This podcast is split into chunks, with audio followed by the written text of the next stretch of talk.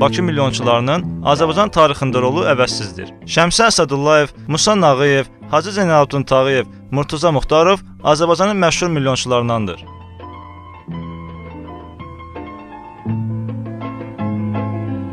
Onların milyonları hesabına tikilən bir çox tikililər bu gün də maddi mədəniyyətimizin inciləri sırasındadır.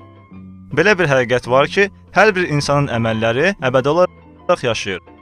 Öz əməlləri ilə əbədiyyətə qovuşan insanlardan biri də Bakı milyonçusu Şəmsi Əsədullayevdir.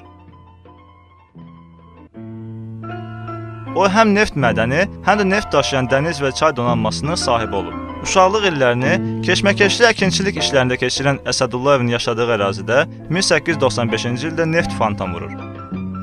Bu, Bakı neft sənayesi tarixində ən məşhur fontanlardan biri olur.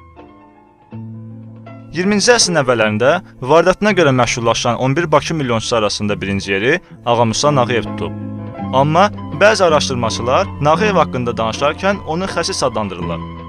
Deyilənlərə görə bir gün milyonçu Zeynalabdin Tağıyev Musa Nağıyevə deyir: Gənc yaşlarında dünyasını dəyişmiş oğlun İsmailin xatirəsini yaşatmaq istərsənsə, mənim açdığım qız məktəbinin alt tərəfi boşdur.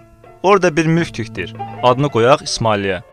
Qoy yazdığın adı yaddan çıxmasın. Nağıyev də Hacının fikri ilə razılaşır. Hətta söhbədə eşidənlər Nağıyevi təbrik edərək ona uğur diləyirlər. Ertəsi gün isə o Tağıyevin yanına gələrək gilələnməyə başlayır. Ay hacı, bu nə işlə gətirmisən başıma? Hacı isə bunun səbəbini soruşanda Nağıyev deyir: O bina bir neçə 100 min manata başa gələcək. Məndə o qədər pul hardan?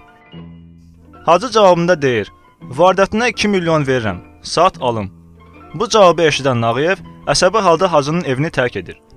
Bununla belə bina tikilir və İsmailli adlandırılır. Hazırda bu bina Elmlər Akademiyasının Əlyazmalar İnstitutunun binasıdır. Başqa neft sənayecilərindən fərqli olaraq Ağa Musa Nağıyev mühafizəçi saxlamayıb. Deyilənlərə görə bir dəfə kiminsə sifarişi ilə qoşular onu girov götürür və şəhər kənarında bir zəmidə saxlayaraq 20 min manat tələb edirlər.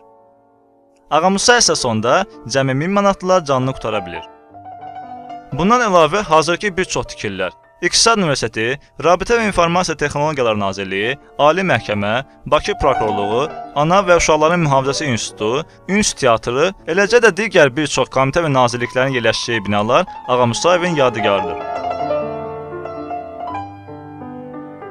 Hazırda Bakıda yerləşən möhtəşəm arxitektura, eksteryer və interyerinə görə fərqlənən Akademik Opera və Balet Teatrının tikilməsi məşhur milyonçu Mailovun adı ilə bağlı olsa da, əslində onun bütün xərclərini Hacı Zeynalabdin Tağıyev ödəmişdir. Deyilənlərə görə 1910-cu ilin sonlarında Bakıya Rusiyada məşhur bir opera müğənnisi qastrol'a gəlir. Müğənninin şərəfinə verilən ziyafətlərin birində Bakı milyonçusu Mailov sənətçi qadından bir də bu şəhərə nə vaxt gələcəyini soruşur. Aktrisa heç vaxt deyə cavab verir. Milyonçu bu cavabın səbəbi ilə maraqlandıqda müğənni qadın deyir: "Belə böyük şəhərdə oxumağa opera binası yoxdursa, gəlməyimin mənası yoxdur." Bu sözlər Bakı milyonçusuna bərk təsir edir və elə ordaca qadına cəmi 1 il ərzində opera teatrı üçün gözəl bina tikdirəcəyinə söz verir. 1959-cu ildən Akademik Opera və Balet Teatrı adlandırılan bu əzəmətli bina hazırda Bakı şəhərində yerləşir. Hacı Zeynalabdin Tağıyev isə həm milyonçu, həm də xeyriyyəçi kimi tanınır. O, kasıb başmaqçı ailəsində anadan olub. Uşaqlıq illərini bənna yanında usta köməkçisi işləməklə keçirən Tağıyev müəyyən qədər vəsait toplayaraq daşyonma işlərini təşkil etməyə başlayır. Bu dövrdə neft sənayesi çox inkişaf edirdi. Hacını bu qədər maraqlandırır ki, o podratçılığa ataraq neft işləri ilə məşğul olmağa başlayır. Yığdığı pula Bibeybətdə neftli torpaqlar alan Tağıyev qısa müddət ərzində varlanır. O, Artıq 1901-ci ildə 300 min manatlıq vəsait sərf edərək Bakıda ilk qızlar məktəbini tikdirir. 2 il müddətinə tikilərək istifadəyə verilən bu bina bütün Cənubi Qafqazda yeganə qızlar məktəbi idi. Hacı Zeynalabdin Tağıyev, Şəmsi Əsədullayev, Musa Nağıyevdən sonra Milli Azərbaycan burjuaziyasının və neft sənayesinin görkəmli nümayəndələrindən biri də Murtuza Muxtarovdur. O, Bakının bir sıra milyonçuları kimi adi fəhlədən neft maqnatı səviyyəsinə yüksəlmişdir. Muxtarov 1895-ci ildə dünyada ilk dəfə olaraq Bakı qazma sistemi yaradır və bununla da Azərbaycanın neft sənayesi tarixinə daxil olur. Hazırda Bakı şəhərində yerləşən Səadət sarayının tarixi də Murtuza Muxtarovun adı ilə bağlıdır və onun tikilməsinin əsasında əsl məhəbbət hekayəsi durur. Deyilənlərə görə məşhur milyonçu öz həyat yoldaşı Liza xanımı çox sevir və onu tez-tez Avropaya səyahətə aparır. Bir gün onlar Venesiyada gəzərkən olduqca yaraşıqlı və möhtəşəm bir bina görürlər.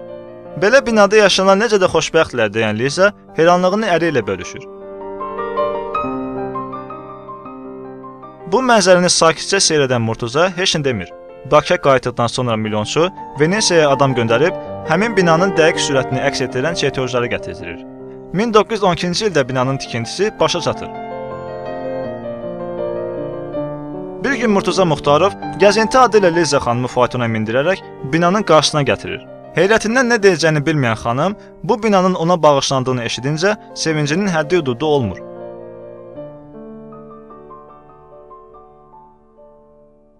Zamiq Məmmədov, Gənclərin Səsi radiosu